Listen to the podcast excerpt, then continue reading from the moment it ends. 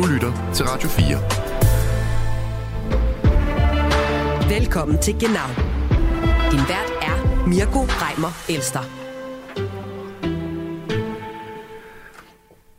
Vi starter ugens Genau med en lille gættekonkurrence. Gæt, hvad det her er lyden af.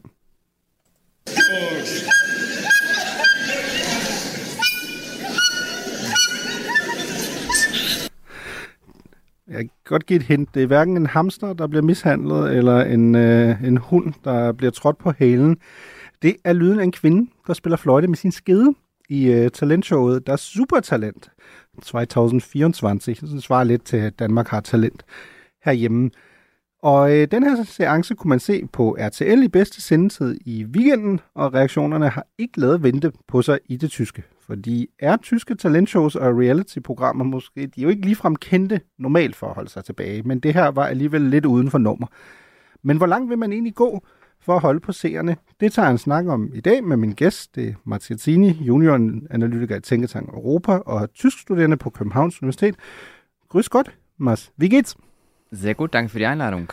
Ja, bitte, bitte, bitte. Nå, ja, det er jo stærkt, at man møder op, når man skal tale om øh, kvinder, der spiller fløjte med skeden og sådan noget. Jamen, vi, har også lidt an, vi har også lidt andet øh, på programmet, skal, jamen, skal jeg hilse at sige. Jeg må sige, jeg er simpelthen så... Jeg, jeg fik øh, tilrettelægger en dårlig til at sende mig nogle links, fordi jeg ikke kunne holde ud og google Scheidenfløte, så det passer mig fint.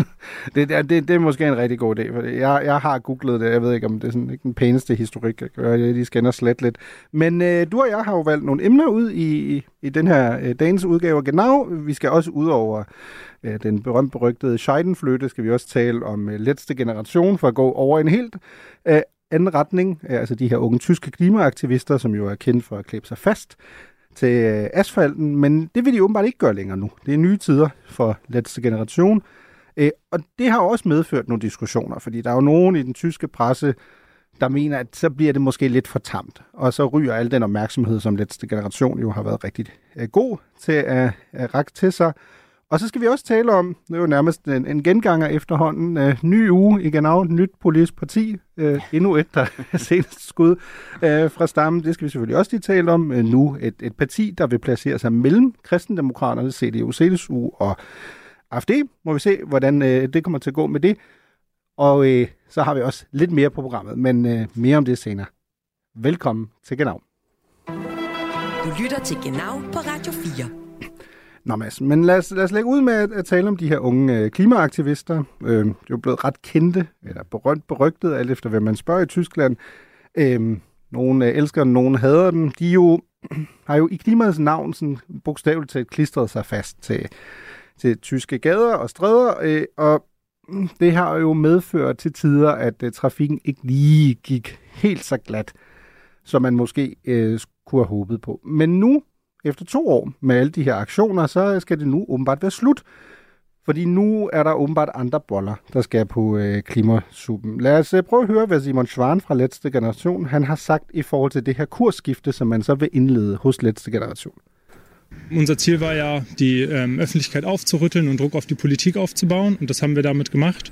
Und ähm, es ist ja so, dass ein überwiegender Teil in Deutschland für mehr Klimaschutz ist. Das heißt, für unsere Ziele haben wir die Mehrheit hinter uns und das ist das Wichtige. Das andere ist, dass wir PolitikerInnen öffentlich damit konfrontieren wollen, dass sie gerade keine sozial gerechte Klimapolitik machen und genau, der dritte Punkt ist, dass wir an die Orte gehen werden, wo die Zerstörung am deutlichsten sichtbar wird durch die Klimakatastrophe. In der Vergangenheit haben wir das zum Beispiel gemacht bei Privatjets und genau, ähnliche Aktionen wird es auch in Zukunft weiterhin geben. Ja, Simon Schwan fra Letste Generation siger, han siger jo indledningsvis i bund og grund, at øh, egentlig har Letste Generation lidt sejret af helvede til, ikke? Fordi nu har man ligesom haft to år, hvor man har skabt en masse opmærksomhed omkring sagen.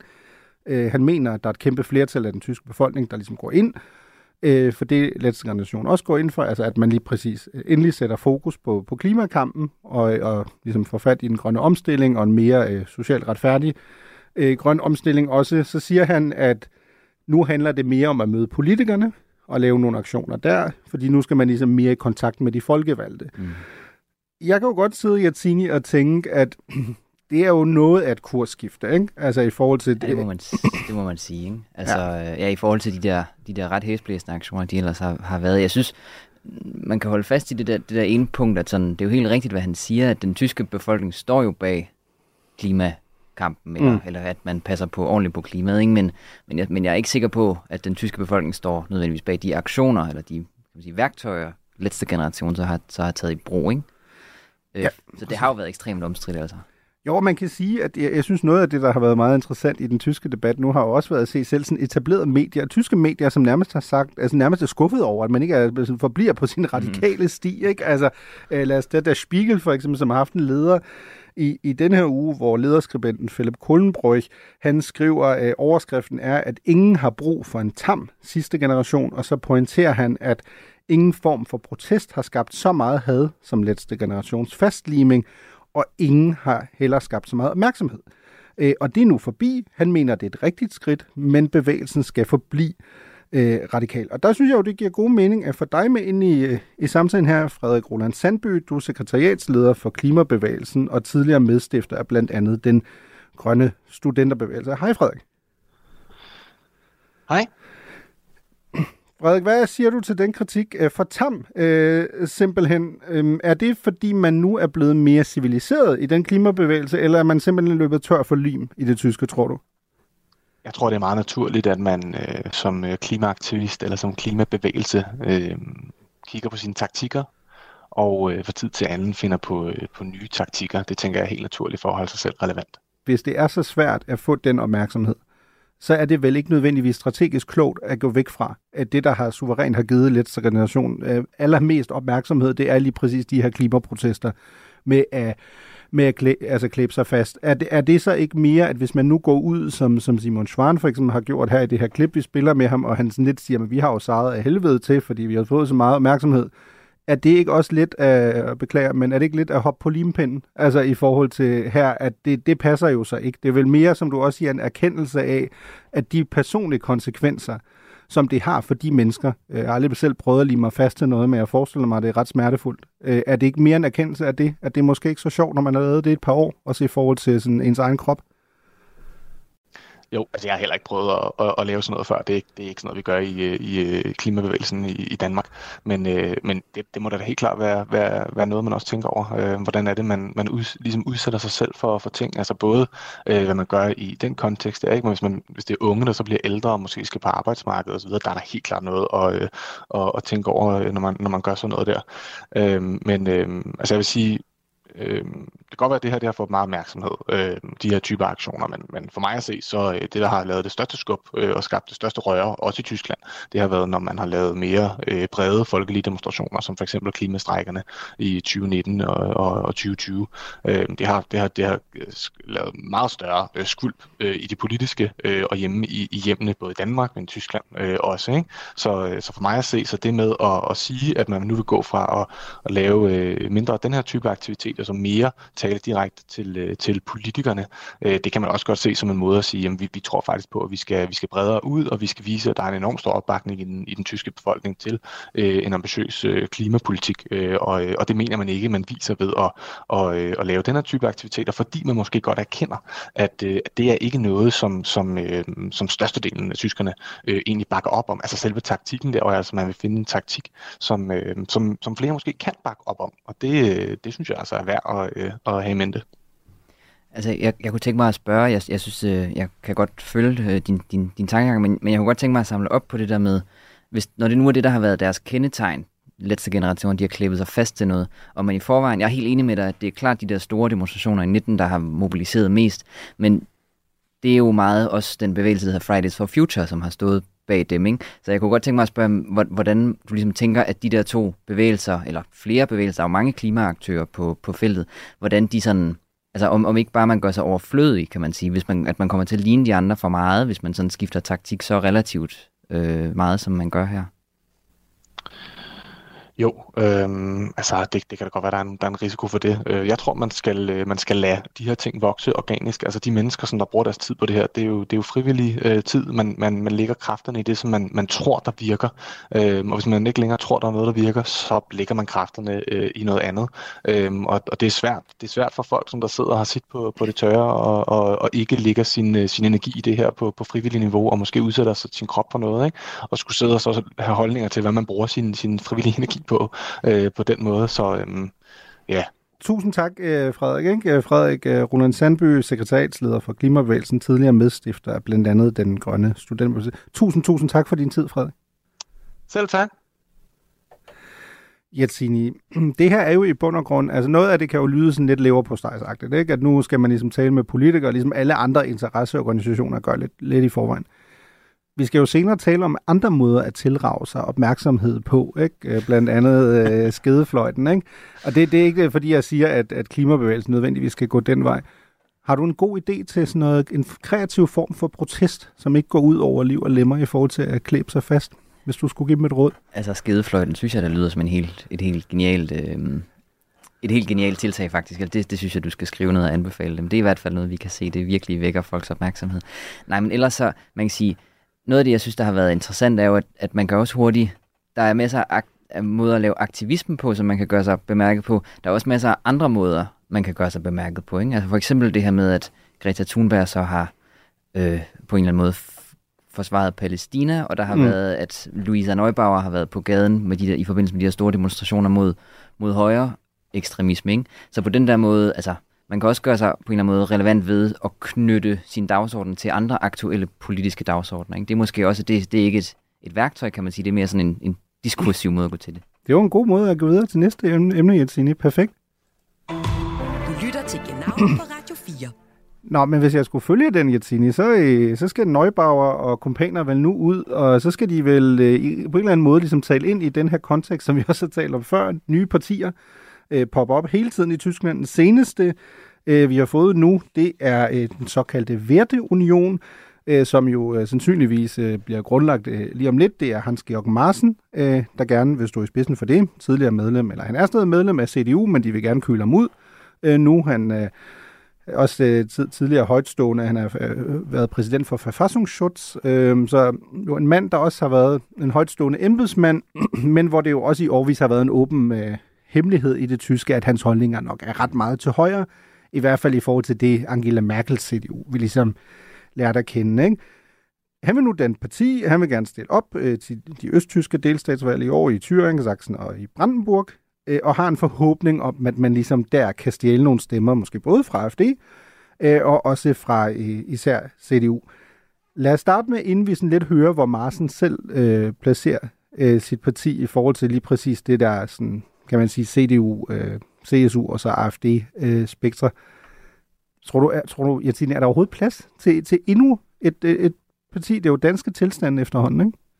Ja, det er nærmest danske tilstande. Altså specielt, altså man kan sige, nu du er jo også Mirko-historiker, eller hvad hedder det, historiker mm. Mirko, så du, du kan jo godt huske for eksempel republikanerne og sådan noget ikke, i Tyskland. Altså der har, det er jo ikke første gang heller, der er nogen, der har forsøgt at grundlægge sådan et, et parti i det område der, altså det der sådan højre libertære, eller hvad man, hvad man vil kalde det. Mm. Og det er jo ikke, fordi det er gået specielt godt for, for, for nogle af, af dem altså. Så jeg har svært ved at se, at der er plads til dem, men jeg, jeg, ved, altså, jeg ved ikke, hvad du selv tænker ligesom. Jamen, jeg, jeg tænker, at noget af det, jeg synes, der er interessant her, er, at vi har jo også tidligere haft Moritz Schramm for eksempel, ikke? Og, og Schramm har jo, han har jo meget haft den her tese med, at han, han skrev også en bog om det i forbindelse med forbundsvalget 21, som man kaldte kampen om midten. Og hvor hele pointen ligesom var, at sådan, størstedelen af, de, af vælgerne ligger på midten, sådan lidt centrum venstre, centrum højre, og det er der, det hele foregår. Og i bund og grund er de her yderfløje jo lidt marginaliseret og det jeg sådan godt kunne overveje, men jeg ved ikke, hvor du står der, Jetsini, det er sådan, om den der tese faktisk er ved at blive lidt udfordret. Det kan sagtens være, at det er stadig der magten bliver afgjort til syvende og sidst, men vi ser jo, det er i hvert fald min tolkning af det, vi ser jo en ret markant modreaktion mod det, ikke? fordi alle de partier, der enten er blevet store i meningsmålingerne, eller er poppet op, er jo ikke midterpartier. Ikke? Altså Bøndenes Sarah Wagenknecht er ikke et midterparti. Øh, Hans-Georg Marsens øh, Værtunion er heller ikke et midterparti. Ikke? AFD er i hvert fald ikke et, et midterparti, så det virker jo også lidt som om den her sådan lidt øh, konsensuspræget, vi, vi afgør det hele lidt på midten, er ved at blive udfordret. Altså, jeg, jeg, jeg forstår virkelig godt, øh, at, at man kan have lyst til at udfordre den tese, det tror jeg sådan set også er rigtigt, men det, er også, det kommer lidt an på, hvilken midte man snakker om. Altså, man snakker om mm. den partipolitiske midte, eller den sådan samfundspolitiske midte. Ikke? Altså, fordi der kan jo også godt, der er jo også politologer, der ligesom har prøvet at pege på, at når, jamen, partierne kan sådan set også godt flytte sig væk fra fra deres vælgere, ikke? og det vil sige, så kan der opstå nogle, nogle tomrum, altså sådan så, at, at i virkeligheden så er den tyske vælgermasse måske mere konservativ, end, mm. end øh, de tyske partier reelt giver, giver udtryk for. Det kan være, det er derfor, at man så tænker som Marsen, eller som Wagenknecht, eller som andre, at der faktisk er mm. man kan faktisk høste nogle, sådan, nu, nu siger man konservativt, det er både forstået økonomisk og værdipolitisk, ikke? men mm. at man kan måske høste nogle af de stemmer der. Lad os prøve at lytte til, hvad Marsen selv siger i forhold til at, at grundlægge det her parti, og sådan hans sådan, hvad kan man sige, egen begrundelse for, hvorfor han mener, der faktisk er plads og, og behov også, øh, for sådan et parti her. Das Entscheidende ist eine Politikwende. Ich sehe mich nicht als rechts oder wir als Werteunion sehen uns nicht als rechts. Wir sehen uns als wertegebunden mit einem christlichen Fundament. Wir sagen nicht Ausländer raus, Stopp jegliche Zuwanderung nach Deutschland, sondern eine Politik mit Augenmaß. Eine Wirtschaftspolitik mit Augenmaß und was wir vor allem wollen, viel, viel, viel weniger Staat, keine Bevormundung mehr. Det er mange ting, han siger her, ikke? men han siger for det første, at han mener, at han vil, have, han vil jo have et paradigmeskifte, ikke? eller et, mm. et kursskifte, politikvente. Han mener ikke, at han selv øh, og øh, Verteunionen for den sags skyld er, er rechts, altså højreorienteret. Øh, det handler om værdier, øh, siger han, øh, også med, med et kristens, udg- kristens udgangspunkt, og så siger han, det handler ikke om, at man øh, udlændinge skal ud, men det handler om, at man bliver nødt til at føre en politik øh, i alle henseender med, som man siger, augenmars. Altså, der skal ligesom være en fornemmelse for, at det skal være sådan inden, inden for skiven. Det, det er jo sådan fint nok, men jeg kan jo godt sidde, når jeg hører det, der sidder og tænker, men prøv at høre, det er jo bare desperado, det der. Ikke? Manden er på vej til at blive kølet ud af, CDU. Han er jo lidt en, en pajer i det tyske politiske system. CDU kan ikke lide ham, de synes, han er for højorienteret. AFD er han klog nok til at vide, det er måske ikke lige der, han skal melde sig ind. Så i stedet for at være politisk hjemløs, så kan du lige så godt lave dit eget parti, fordi det er ligesom sådan lidt en, en modeting. Ikke?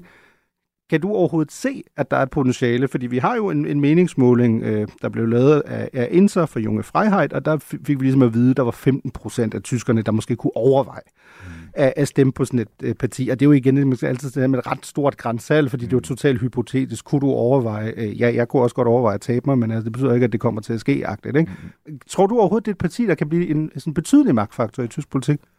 Altså, vil sige, det afhænger af nogle forskellige ting, synes, synes jeg, ikke? Altså, mm. det, vi kan jo, ja, men altså, jeg, fordi jeg tænker, der er ligesom to aspekter. Dels er der, er der en, en vælgerbase, er der nogen, der reelt vil finde på at stemme på sådan et parti, og det tror jeg, der er. Altså, jeg tror, der er folk nok, som på en eller anden måde føler sig sådan, eller hvor det der værdipolitiske appellerer til dem. Men jeg synes jo, når man hører ham, så er det ikke, ikke meget anderledes end, end det Sarah Wagenknecht for eksempel står for det der med Augen Mars og mm. sådan noget. Altså, så kan man, de er selvfølgelig forskellige politisk, ikke? eller sagpolitisk, men sådan rent øh, programmatisk, eller programmatisk er de forskellige, men sådan, i forhold til retorik, synes jeg, de minder meget om hinanden. Så, er der, så, så det er vælgerbasen. Så er der det der rent organisatoriske, at det her nogle mm. folk, som er i stand til at drive et parti, og der kan jeg godt have min tvivl. Ikke? Altså fordi Mars har selvfølgelig, eller Marsen har selvfølgelig erfaring fra, fra politik, men ellers så er det altså et sammenrend af alle mulige skøre fra alle mulige dele af, af, af samfundet, ikke, synes jeg. Så, men altså, jeg, jeg ved ikke... Altså det, du siger er i bund og grund, du vil gerne have, at vi nu køber to billetter til, til klonebussen, og så stiger vi ombord, og så skal vi lige se, hvem det er egentlig er, der skal styre øh, den her bus. Lad, lad, os, lad os prøve at kigge lidt på det.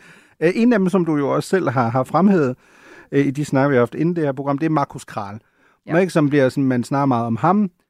Hvem er Markus Kral?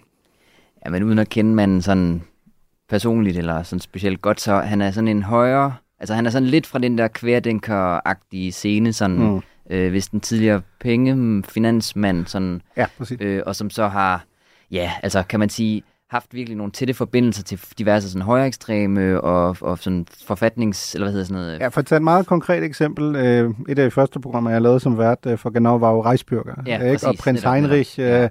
og øh, vores, øh, vores gode ven Markus han skulle have været finansminister i sådan en Reisbürger-regering, hvis den nogensinde var kommet til. Så kan man som lytter, tror jeg, sådan nogenlunde forestille sig. Altså, vi er til højre for Genghis Khan, ikke? I, I forhold til, hvor vi er i det, det partipolitiske spektrum. Hvorfor tror du, er han sådan en vigtig type? Fordi han har jo som sådan ikke en politisk øh, sådan baggrund. Han har jo mere sådan en, han er en pengemand. Mm. Er det det, der skal til? Altså en, der simpelthen kan give nogle penge til, at man faktisk kan opbygge organisationen til, at det her kan flyve? Altså det, det, det tænker jeg. Jeg tror, det er selvfølgelig vigtigt at have nogen med nogle penge, som er villige til at poste, poste penge i, og så, som, hvis, hvor det så ligesom forudsætter, at man også er i stand til at holde dem i, i, i armslængde ud fra partiledelsen, fordi og det har, jeg, har jeg kunne forstå også på, på artikler, jeg har læst og sådan noget, at han er også sådan en, som i virkeligheden skulle have haft en lidt højere post i Værtsunionen, end han egentlig nu er endt med at, mm. at, at have. Altså så, så jeg, altså jeg kan ikke se ham som sådan et nyt skud på, et håbefuldt nyt skud på den politiske stamme, men... Uh...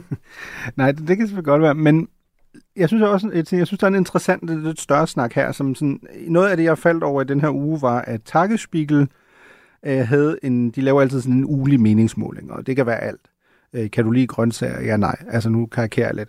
Men, øh, men i den her uge, øh, der var deres tese, at flere partier fører til mere fragmentering. Det gør, øh, om, det gør det så sværere at finde øh, flertal i parlamentet. Og så var deres spørgsmål, vi vil gerne derfor høre fra dig, sætter nye partidannelser vores demokrati i fare? Det er jo sådan en meget interessant sådan, egentlig tese at stille op, fordi mm. jeg har faktisk ikke hørt den så tit i Danmark. Ikke? Altså i Danmark har vi været 10-11 partier i Folketinget. -agtigt. Der er jo ikke mm. nogen, der siger, at det er et problem for, for demokratiet. Og jeg ved godt, der er både noget i forhold til historie, mm. øh, men også i forhold til spærregrænsen osv. Men, men hvad siger du til det? Altså, Vil du sige ja eller nej til det? Jeg, ved, jeg, jeg, jeg, ved ikke, om, jeg ved ikke, om jeg køber præmissen, det der med, at, det er noget, at fragmentering også nødvendigvis fører til, altså fordi, eller fragmentering også er en negativt lavet ord. Jeg mener, det danske mm. partilandskab er jo ekstremt gennemfragmenteret, men er jo ganske stabilt, Det er fint i stand til at danne, danne regeringer og sådan noget. Så jeg ved ikke, om, jeg ved ikke, om det er en meget dansk holdning. Jeg ved ikke, hvad, hvad du ud fra et syn, tysk mm. synspunkt tænker, men det der med, at tyskerne virker som om, at de enormt gerne vil have altid en stabil flertalsregering hen over midten helst. Ikke? Og jeg tror, det er jo det, der gør på en eller anden måde, at der er plads til sådan nogen som Marsen eller AFD eller Wagenknecht, ikke? Fordi, fordi man vil på en eller anden måde, så vil man blive nødt til at samarbejde med hinanden på tværs af fløjene. Mm. Så jeg ved ikke, om, Ja. Nej, det er vel, som du siger, det kommer vel meget an på, hvordan man tolker det. Ikke? Det er klart, hvis du sådan tolker det historisk og siger, at Tyskland igennem meget, i hvert fald Forbundsrepublikens levetid, altså fra, fra 45 og så frem, der havde du jo i årtier virkelig kun 3-4 partier. Ikke? Altså du havde CDU, CSU, øh, SPD og FDP, så kom de grønne til i 80'erne, men de facto havde du måske fire partier, ikke? Mm, mm. Øh, som godt nok ideologisk lå forskelligt, men det det. Nu er vi jo potentielt ude i, at vi måske bare på to-tre årtier får lige så mange der kan blive repræsenteret i forbundsdagen. Ikke? Hvis man leger med tanken, at lad os sige, Wagenknecht vil måske godt kunne komme ind, de linke sig måske ikke, øh, så kan man så diskutere, hvorvidt man mener, at Vertu-Union har en mulighed, men vi har jo omvendt os freje væler, mm. øh, der, der nu vil stille op. AFD er blevet meget større. Jeg tror, at jeg synes, det er en meget god pointe, du har der, det der det er meget negativt lavet. Fordi du kunne jo også bare have brugt et andet sådan fancy ord og sagt det, men vi har en pluralitet mm, lige pludselig. Ikke? Vi har en masse diversitet. Mm i, i holdninger og så videre, og det er da fint, at du kan gå lidt. Fordi jeg synes jo, men jeg ved ikke, om du er enig, jeg synes jo, analysen fra Marsen og hans folk er jo rigtig. At der er et hul, der ligger lige præcis mellem AFD og CDU-CSU. Ikke? Øh, sådan nogen som Schramm vil jo sige, at Merkel gjorde det rigtigt, apropos din pointe i forhold til, at man var ved at flytte sig fra vælgerne. Man flyttede partiet ind mod midten, fordi man var for konservativ i forhold til, hvor mange tyske vælgere lå. Men det har jo åbenlyst den pris, at du åbner en flanke over på den anden side. Og jeg tror ærligt talt ikke, at de fleste havde forudset, at den flanke kunne blive så stor, som den er nu med AFD, hvor vi taler 20 procent mm. af meningsmålinger, i meningsmålingerne. Så jeg synes ikke, det er usandsynligt, at man sådan kan sige, her går vi ind, og måske kan vi nappe 5-10 procent af dem, der egentlig helst ikke vil stemme AFD, men de har jo ikke noget reelt alternativ. Mm. Altså, det, det, det køber jeg fuldt ud. Altså, igen, jeg køber, at der er folk, der synes det, de står for, men jeg tror, øhm, jeg, jeg, jeg tror, at udfordringen bliver, altså det er klart, et fragmenteret partisystem er et problem, hvis man ikke kan samarbejde. Så jeg tror, der ligger en stor lektie i at lære for tyske partier, at øh, og i virkeligheden lære en anden form for samarbejde. For jeg kan på en eller anden måde godt forstå, altså jeg er ikke sådan, jeg vil ikke selv stemme på værtsunioner eller nogen steder, men jeg, jeg må sige, der ligger en lektie i det Er det, fordi med, du ikke har nogen værdier? Ja. Og du kan ikke lide unioner heller? Ingen, ikke sådan, øh, ikke nogen kristne værdier, det er i hvert fald ikke det, der sådan rådfester mig her i, i tilværelsen, men pointen er det der med, at øh, at jeg forstår godt måske, at man som vælger, hvis man ligesom siger, hvis man ser politikerne stå og råbe efter hinanden og siger, og Mertz kalder Scholz for, ah, og I også bare, og I kan ikke finde ud af noget, og de så alligevel går i regering efter et valg, der forstår jeg godt, at man som vælger står og tænker, hvad er det så reelt, jeg... Altså, hvad er det så, om jeg stemmer på den ene eller på den anden, hvad er det reelt, jeg får? Altså, det kan jeg godt forstå, at man, man stiller spørgsmålstegn ved. Hvad siger du til, jeg synes en anden interessant diskussion i forhold til det der med fragmentering, er jo også, at et andet argument, der hurtigt kommer, apropos historiker, det er jo, at uh, Manfred Göllner, som er chef for, for Forser-instituttet, som laver meningsmålinger, han har jo også været ude, og han har advaret mod det, han kalder Weimarer Verhältnisse. Det er jo klassikerne i den mm. tyske debat, ikke? Og Weimarer Verhältnisse ja. er jo kort fortalt, at åh oh, nej, nu får vi instabilitet, og instabilitet fører til politisk ekstremisme, og så bum, så står Hitler lige rundt om hjørnet. Ja, ikke? Bonn ist nicht Weimar. Ikke? Ja, lige præcis jeg synes jo, men igen, det kan også være, når man selv er født i 1986, jeg synes jo, det er sådan lidt en gammel traver at hive frem, ikke? At bare fordi der kommer en fragmentering, pluralitet, så står Weimar jo ikke lige rundt om hjørnet. Eller er det bare mig, der er naiv? Mm, nej, altså jeg, det, det, er, det, er, det er jeg enig med dig i. Altså, fordi, øh, og jeg, jeg, tror, jeg tror også, at der er noget af den der frygt for højre eller fra Venstre for den sags skyld. Jeg synes, jeg synes, det er overdrevet. Altså. Jeg synes, det er overdrevet. Jeg synes, jeg synes i virkeligheden, nu har man malet sig selv så langt op i et hjørne i forhold til ikke at ville samarbejde med FD, at de er blevet så store, og i øvrigt også blevet så radikale, at nu kan man ikke samarbejde med dem. Men om man var begyndt at samarbejde med dem allerede i, i 2013, på nogle områder måske, jeg tror, der kunne man altså godt have decimeret det noget. Altså, så, mm. øhm, men, men i forhold til det der med, med Du tænker ikke, det er sådan lidt bagklog at sige, ja, men hvis jo, vi bare jo. kunne hoppe tilbage i tidsmaskinen. det er altså, totalt bagklogt, jo jo. Ja, jo. Men, men Weimar er jo også, det der at bruge Weimar er jo også bagklogt. Altså mm. det er jo mm. også at kigge tilbage og sige, se hvordan det engang var, derfor kan vi ikke længere gøre mm. sådan og sådan og sådan. Altså det er jo, det er jo virkelig faktisk bag, bagklogskabens klare lys, ikke? Ja. Hvor sådan måske, og, ja, jeg ved sgu ikke, Nej, men jeg synes, det er interessant, fordi en anden, en anden interessant tese her er jo, at noget af det, vi talte om i nogle af de sidste 23 programmer i Genau, det var jo den der med, nu kom der de der tre delstatsvalg i, i, i Østtyskland i, i september 24, kunne man forestille sig, at man kunne få AFD med ind i regeringen. Og de fleste afviser sådan noget jo kategorisk at sige, det kan du overhovedet ikke. Radikaliseret parti bliver overvåget af den tyske forfassungsschutz i nogle af delstaterne. Men nu kommer der vel den der joker ind i form af Werteunion, ikke? Fordi hvis du nu, lad os nu bare lege med tanken, at du har måske faktisk et flertal til højre for midten i nogle af de her delstater, som består af, at AFD mm. bliver størst, og så har du normalt CDU, som jo siger de i hvert fald, lad os nu se, når vi kommer til september, ikke vil samarbejde med AFD. Hvad gør du, hvis Marsen og Werteunion kommer ind, halverer CDU's opbakning, og lige pludselig står du faktisk med et flertal i øh, en østtysk delstat, hvor Werteunion kan gå i regering med AFD. Marsen har jo ikke afvist, at han nej, vil nej. gå i regering med dem. Nej, han vil jo netop bygge, bygge, bygge bro med dem, ikke? Ja. Øh, jamen, jeg ved ikke, hvad tænker du selv? Altså, fordi jeg, umiddelbart så er det jo en, et skakmat, ikke? Jamen for hvem? Altså skakmat for, for hvad? Det politiske system, eller du tænker, det bliver ja, meget brun altså, bro, de så får, får bygget, eller hvad, hvad er det, du tænker? altså jeg tænker, så, så kan jeg ikke se, hvordan man som CDU ellers i øvrigt vil skabe et regeringsdygtigt flertal. Altså hvis man, mm. hvis man ikke vil, fordi de har jo også været taget skarpt afstand til, til Værtsunion. Jeg tror ikke, der er sådan et, et uforenelighedsbeslutning. Det tror jeg ikke foreligger endnu, men altså, man mm. har i hvert fald taget skarpt afstand til. Så hvis, man, hvis der ikke er nogen anden måde, og den regering end med dem to, øh, AFD og Værtunionen, så, jeg, så kan jeg ikke se, hvordan at man så vil regere, og så kan hele mm. Tyskland jo ikke regeres, ikke? Men der er vi jo tilbage til, at hvis man tager Virteunionen sådan bogstaveligt, ikke i forhold til Marsens parti, så er der vel noget, der er større end politisk magt. Det er vel værdier. Det er vel, at hvis du er CDU, og du ender i den situation, så er det vel der, dine politiske principper for alvor kommer på prøve. Det er vel mm. der, du skal vise, at brandmuren faktisk er noget, du mener, uh, uafhængigt af, om det potentielt betyder, at du ikke kan sidde i regering uh, i visse delstater. Fordi det er vel det, der sådan hele tiden har været den udfordring, at det har været nemt nok at sige til AFD, prøv at høre, glem jer, vi er ligeglade, om I får 20, 25, 35 procent, vi holder jer udenfor, og worst case, i værste tænkte scenarie, så må du, det mest regeringsduelige øh, parti til højre for midten, den en alliance med det yderste venstre. Mm. Altså vidderligt det, man jo har diskuteret ja, ja, ja. i Thüringen for eksempel. Ja, ikke? Hvis skulle de linke så gå i regering øh, sammen med CDU for eksempel. Men i det øjeblik, det scenarie ikke længere er plausibelt, mm. fordi du faktisk får det der flertal, så er vi vel også tilbage til, men det ved jeg ikke, om, om du er enig i det. Jeg sidder jo lidt og tænker, hvis du får et flertal, hvor Virtuunion, for eksempel i, hvad ved jeg, Thüringen, eller hvor det så måtte være, Sachsen, jamen så må de da gå i regering så har vælgerne jo talt. Altså, hvis Marsens parti sammen med AFD, så må du jo få en AFD-ministerpræsident. Selvom ingen måske havde regnet med det for to måneder siden.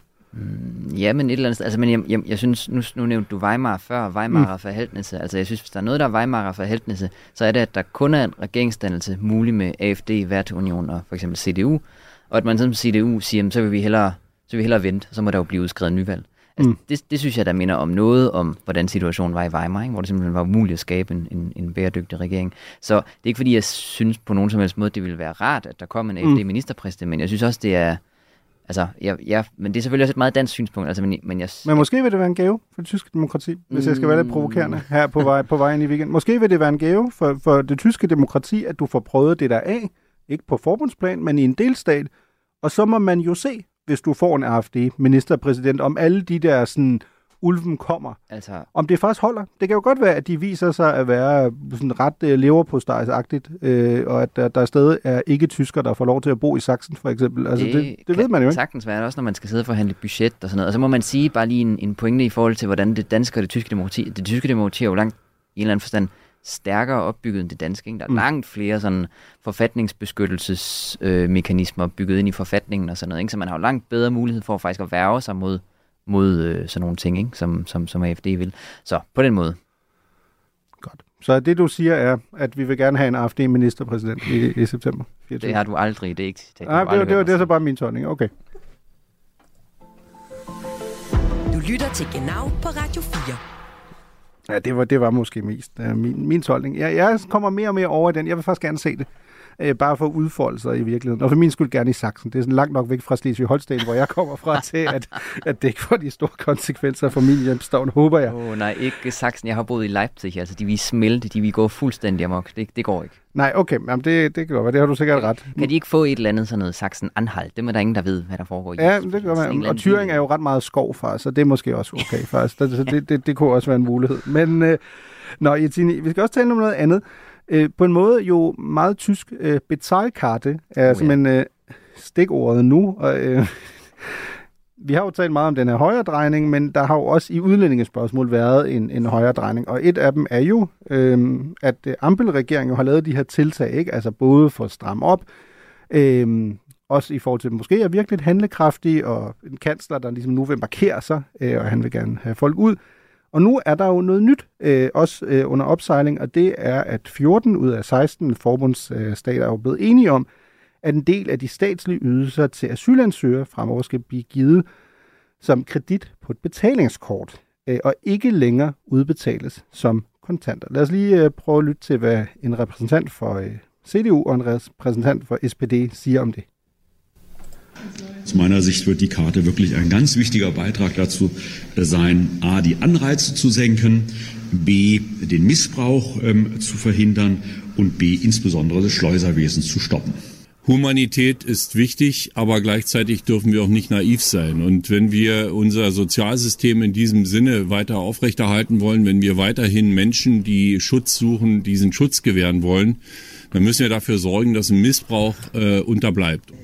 Ja, den første vi hører her fra øh, Boris Rhein, øh, CDU, med ministerpræsidenten, anden er Dietmar Voigtke fra, fra SPD.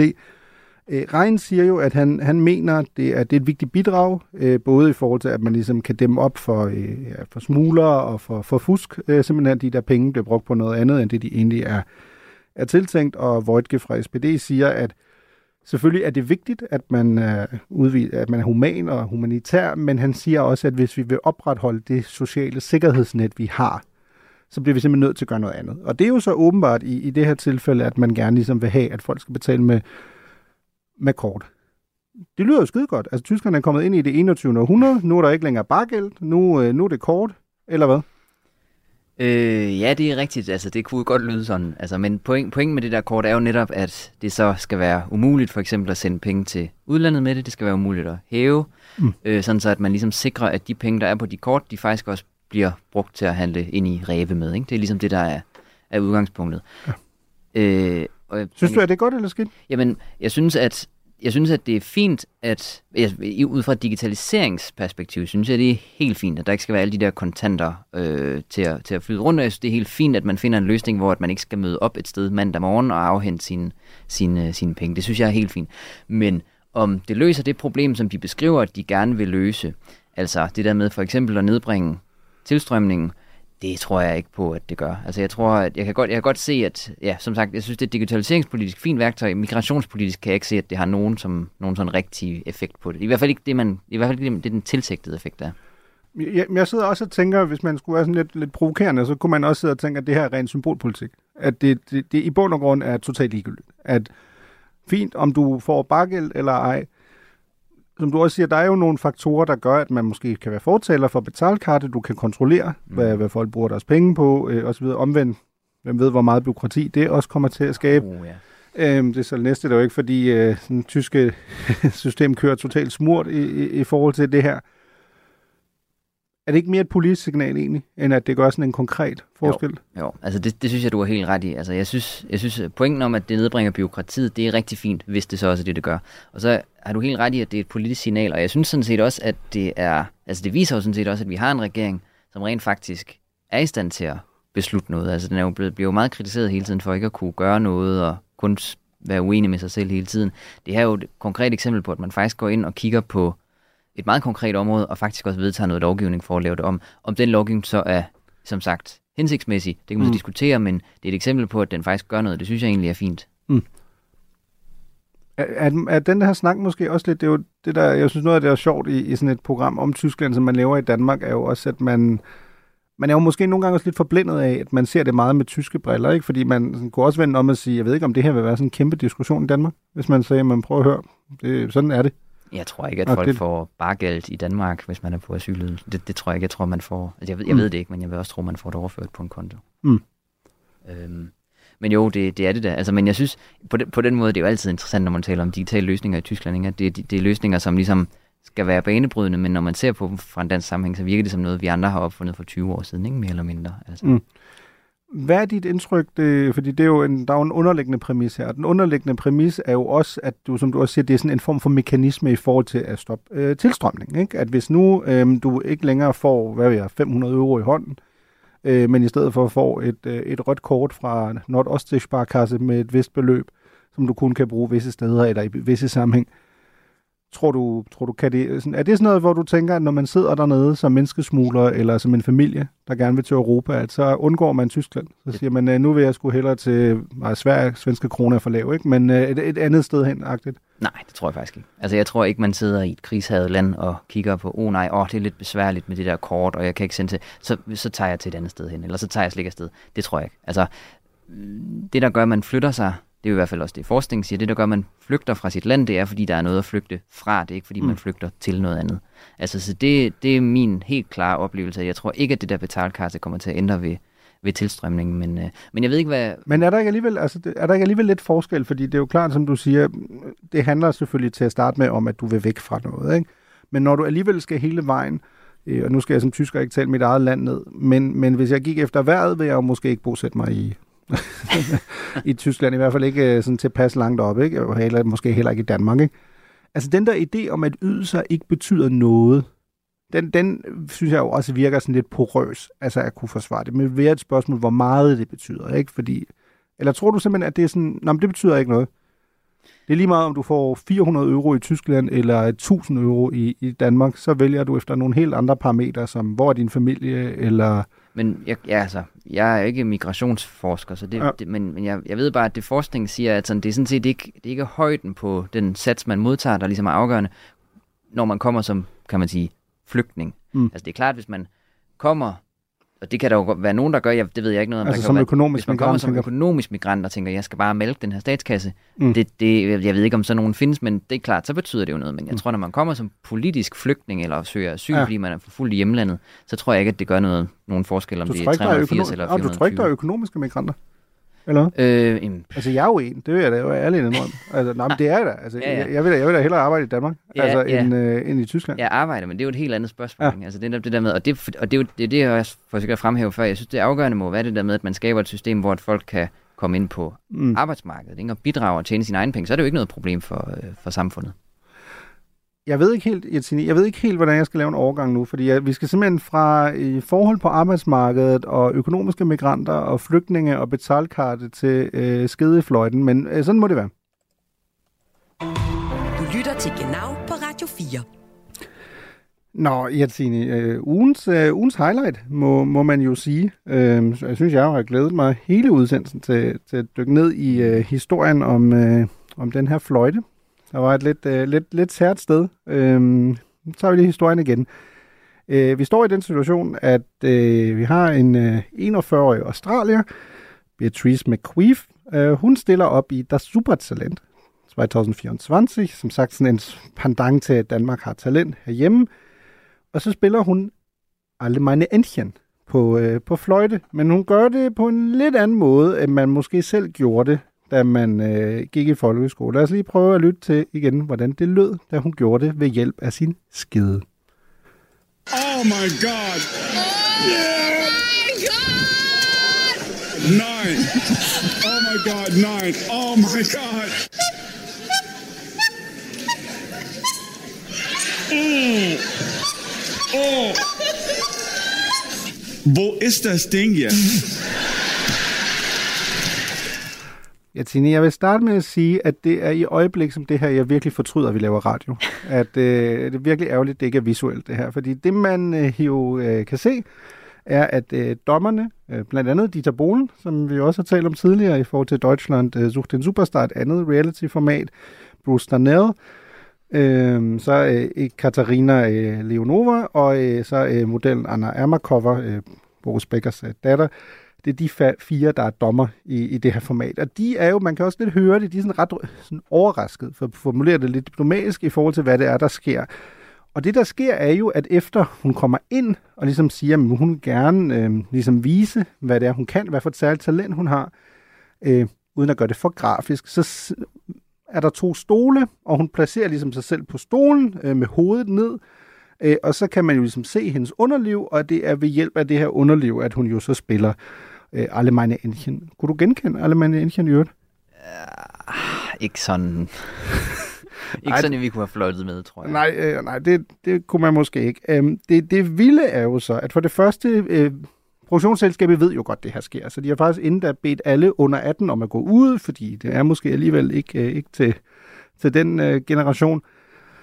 Og så det er jo egentlig meget interessant. Så kunne man jo tro, at det enten var så genialt, eller så galt, at hun enten bare gik videre øh, 4-0 eller røg ud på øh, røv og albuer, men det ender jo faktisk med, at dommerne er splittet, og den ender med at blive 2-2.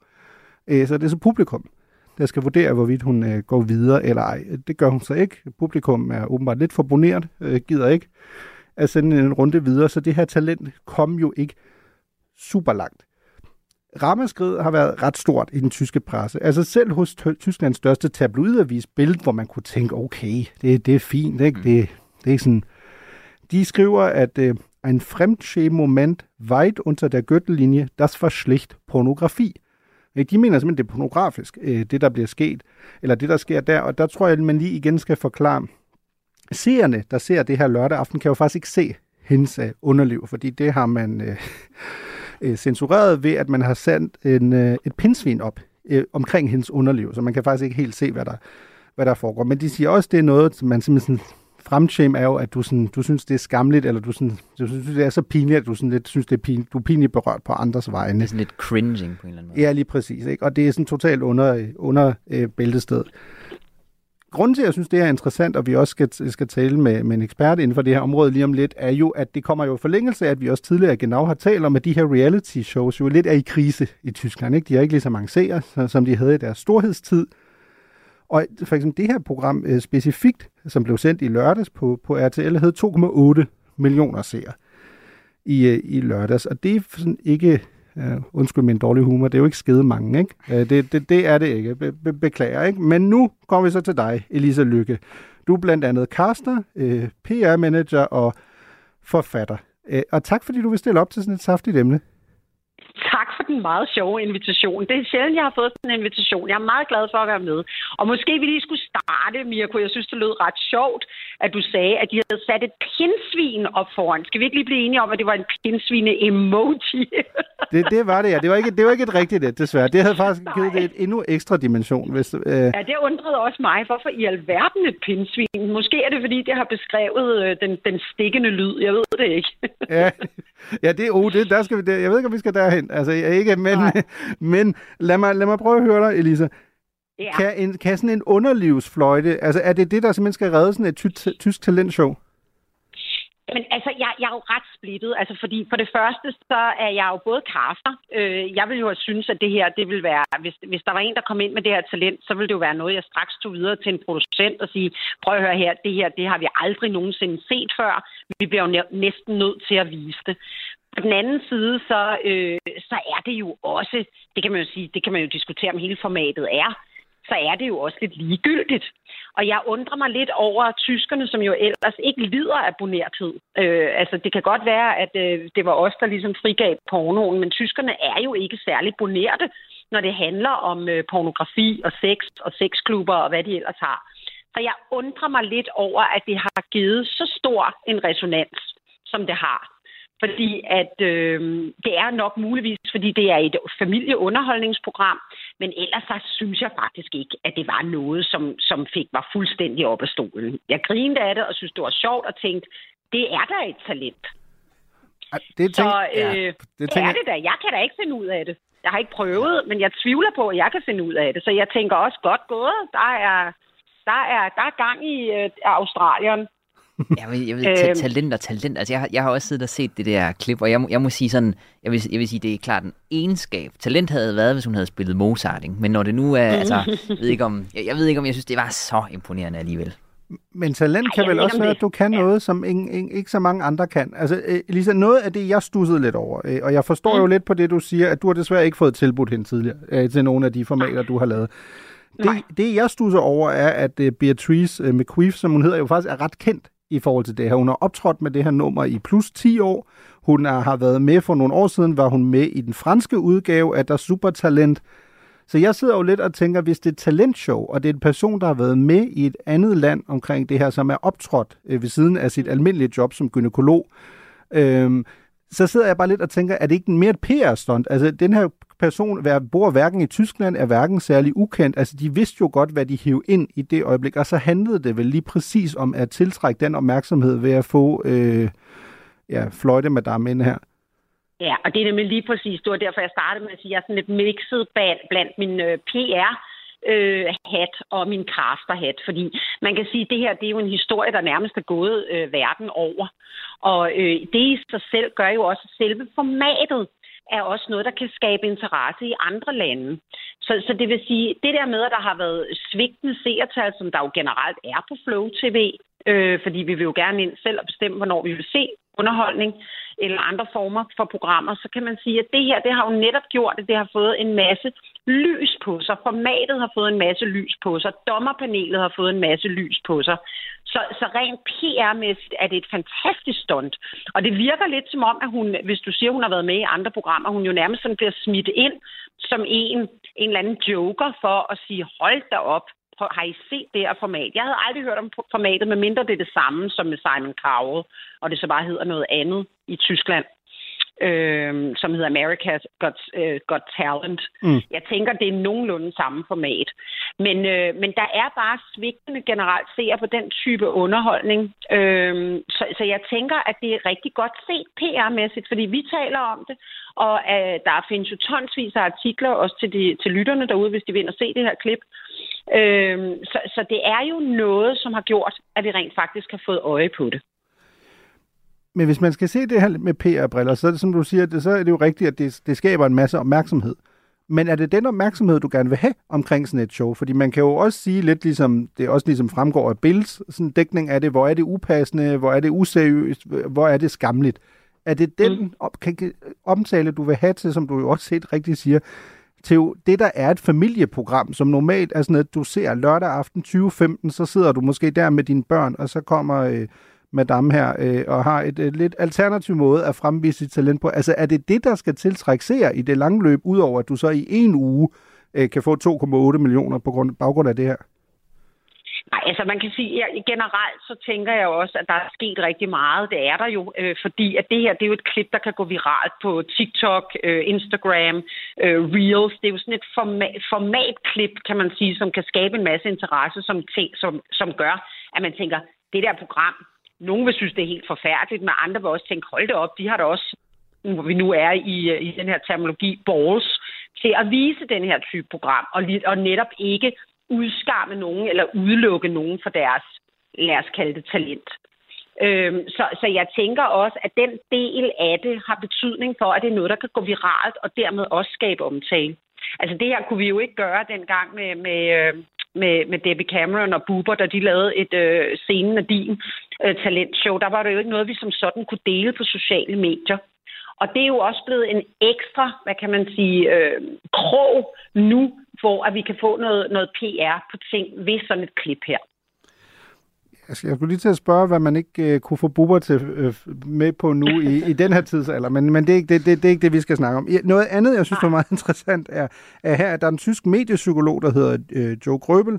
Han har været ude, at han siger, at han ser sådan en større tendens af. Han siger, at hans indtryk er, at tv-selskabet her er vendt tilbage til sine gamle strategier, og så siger han, at den seriøsitet, som RTL øh, forkyndte for et par år siden, at den har åbenbart ikke været så vellykket, som dengang man brød tabuer for 10 eller 15 år mm. siden. Er du enig i, i det, at det er sådan, man går lidt tilbage til, nu skal vi have det, der ligesom kan, kan få folk op af stolen, i stedet for at lave sådan et lidt mere måske, seriøst format?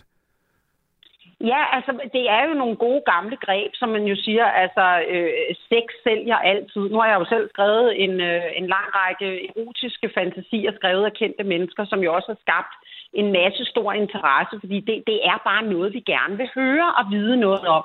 Selvom vi også får, får øh, det udbasioneret alle steder, og åh, vi er så frie med sex, så er der alligevel, det er også derfor, jeg snakkede om den der bonerthed i det, hvor jeg tænker, gud, really? skal der ikke mere til med alt det, vi har set, og med alt det, vi ligesom har indtaget igennem de sidste 30, 40, 50 år omkring pornografi? Skal det her lille cirkusnummer, som jeg vil kalde det, øh, virkelig være noget, der får så meget op af stolene? Så ja, jeg giver ham ret i, at det er jo lidt at gå tilbage til, til det gamle cirkustelt. Den skækkede dame, kvinden, der kan, der kan fløjte med skiden. Altså, det er jo lidt et gammelt greb, og alligevel så bliver vi rystet over det, øh, at det er noget, der bliver sendt i et tv-format. Men vi bliver bare nødt til, netop på grund af de svigtende tal og vores svigtende interesse generelt for underholdningsprogrammer og øh, nogle bestemte type reality-formater, der bliver vi bare nødt til at, øh, at sige, at at man bliver nødt til at... Paradise gik jo for eksempel også tilbage til det gamle program, efter man havde været lidt moderne. Så, så jeg tror måske, at vi, vi lidt er inde i en tid, hvor at, øh, at de gamle ting, de gamle greb stadigvæk virker. Hvad med, det er meget interessant, du tager den der danske sådan, øh, sammenligning. Hvis jeg nu, mm. øh, kan jeg ikke lige bruge Yatsini i denne uge, jeg tror ikke, han, han har de der færdigheder, der skal til for at udkonkurrere øh, damen der, men... Altså, jeg, jeg tror måske, at øh, jeg tror ikke, den vil gå i Danmark. Øh, jeg tror simpelthen, at vores tv-stationer er for konservative. Og nu er RTL jo en ret vild kanal, og mm. de har også et, et, et, panelet er jo også sådan ret øh, eksplicit, og de, de har taget nogle, altså du ved, modellen, og de har taget gamle Modern Talking øh, forsangerne. Altså det, det er sådan et meget farverigt panel. Så, øh, så jeg tænker, at det er, øh, altså det er jo en, jeg, jeg tror ikke, den var gået i Danmark. Men jeg ved også bare, at Paradise, jeg ved, jeg har to døtre på 19 og 27, de synes bare, det er sjovere, når der er nogen, der boller i Paradise. Øh, og, og det var der ikke noget af i en sæson, og så gik det tilbage til det gamle, og så fik det flere seere. Så det er altså helt banale tricks, der engang imellem kan gøre, at der ligesom, at, at man laver en U-turn på formatet. Men hvorfor er det så, hvis, hvis det er sådan, som du siger, sex cells, øh, eller, mm. her, eller her øh, skede. Øhm, ja. Hvorfor, hvorfor... Og læg lige mærke til, at hun havde frækt undertøj på samtidig. Ja, ja, præcis. Meget gennemført. Ja, ja. Hvorfor går hun så ikke videre? Jamen, det, det gør de ikke, fordi de jo godt er klar over, at det her, det kan jo ikke være en del. Det kan jo ikke være Danmark, eller hvad hedder det, Tysklands talent er øh, skide øh, fra Australien. For det første år tror jeg også, der er noget i det der med, at hun er fra Australien. Nu forstod jeg ikke, om hun boede i Tyskland, eller om hun var rent faktisk fra Australien. Hun bor fast i Australien. Godt. Så, så man kan også sige, det, det er der jo ikke så meget sådan tysk ejerskab på. Så for mig er det, som jeg, som jeg nævnte, den der sådan cirkuskloven, de ligesom smider ind for at skabe noget krydderi og for ligesom at skabe noget, noget hype omkring formatet. Og der er også en, som jeg nævnte også før, altså der er jo også en tendens til, at måske Danmark, Sverige, Norge, øh, Finland vil sidde og sige, gud, det der format, måske skulle vi købe det hjem. Lige med mere salg så tror jeg også, at vi bliver nødt til, vi er måske lidt trætte af at se katte, der kan slå en koldbøtte, og øh, 20 øh, søde børn med rottehaler, der kan lave øh, jazzballet. Altså, jeg, jeg er måske også blevet lidt træt af de der forskellige kedelige greb, så jeg synes måske også, wow, jamen nu ser vi da noget, som vi aldrig nogensinde havde forventet at se. Lad os kalde det talent, eller, eller en kunde, whatever. Men jeg har da set værre ting stille op øh, i, i de her talentshows, hvor jeg tænker, hvordan har de overhovedet kunne få lov til at komme ind på scenen? ja, det kan godt. Ja, okay. Ja, men øh, der er der, et uanede øh, muligheder, kan, kan jeg høre her, øh, Elisa Lykke. Tusind, tusind tak ja, for, din, øh, for din tid. Selv tak. Etsini, sådan her, sådan afslutningsvis, vi er jo på udebane her, fordi vi har ligesom øh, sådan fysiologisk jo ikke de færdigheder, ikke? Ja. Hvad, øh, er der en kødfløjte pandang? tror du, til det her? Noget, vi kunne lave? Jeg, jeg ved ikke, hvordan man skulle... Øh... Spille tromme, for eksempel? Det er måske noget. Ja, ja, det er måske noget. Du lytter til Genau på Radio 4. Nå, ja, Etsini, det, det var alt det, det, vi nåede. Uh, tusind tak, det var en fornøjelse. Så tak. Uh, tak også til, til vores uh, gæster og uh, til retlægger Anne Dorte Lind. Uh, Ja, Tine, jeg synes jo, vi blev simpelthen nødt til at slutte på, på en sang, der også indeholdt et fløjtespil. Øhm, jeg kunne ikke finde noget, der var, der var lige så godt, øh, som, som det vi så her fra vores australske veninde. Men øh, jeg har fundet noget. Scooter, jo tyske legender. Øh, The Spell Remains. Mig bekendt er det dog ikke blevet udført ved hjælp af skeden. Og wiederhøren. Wasser.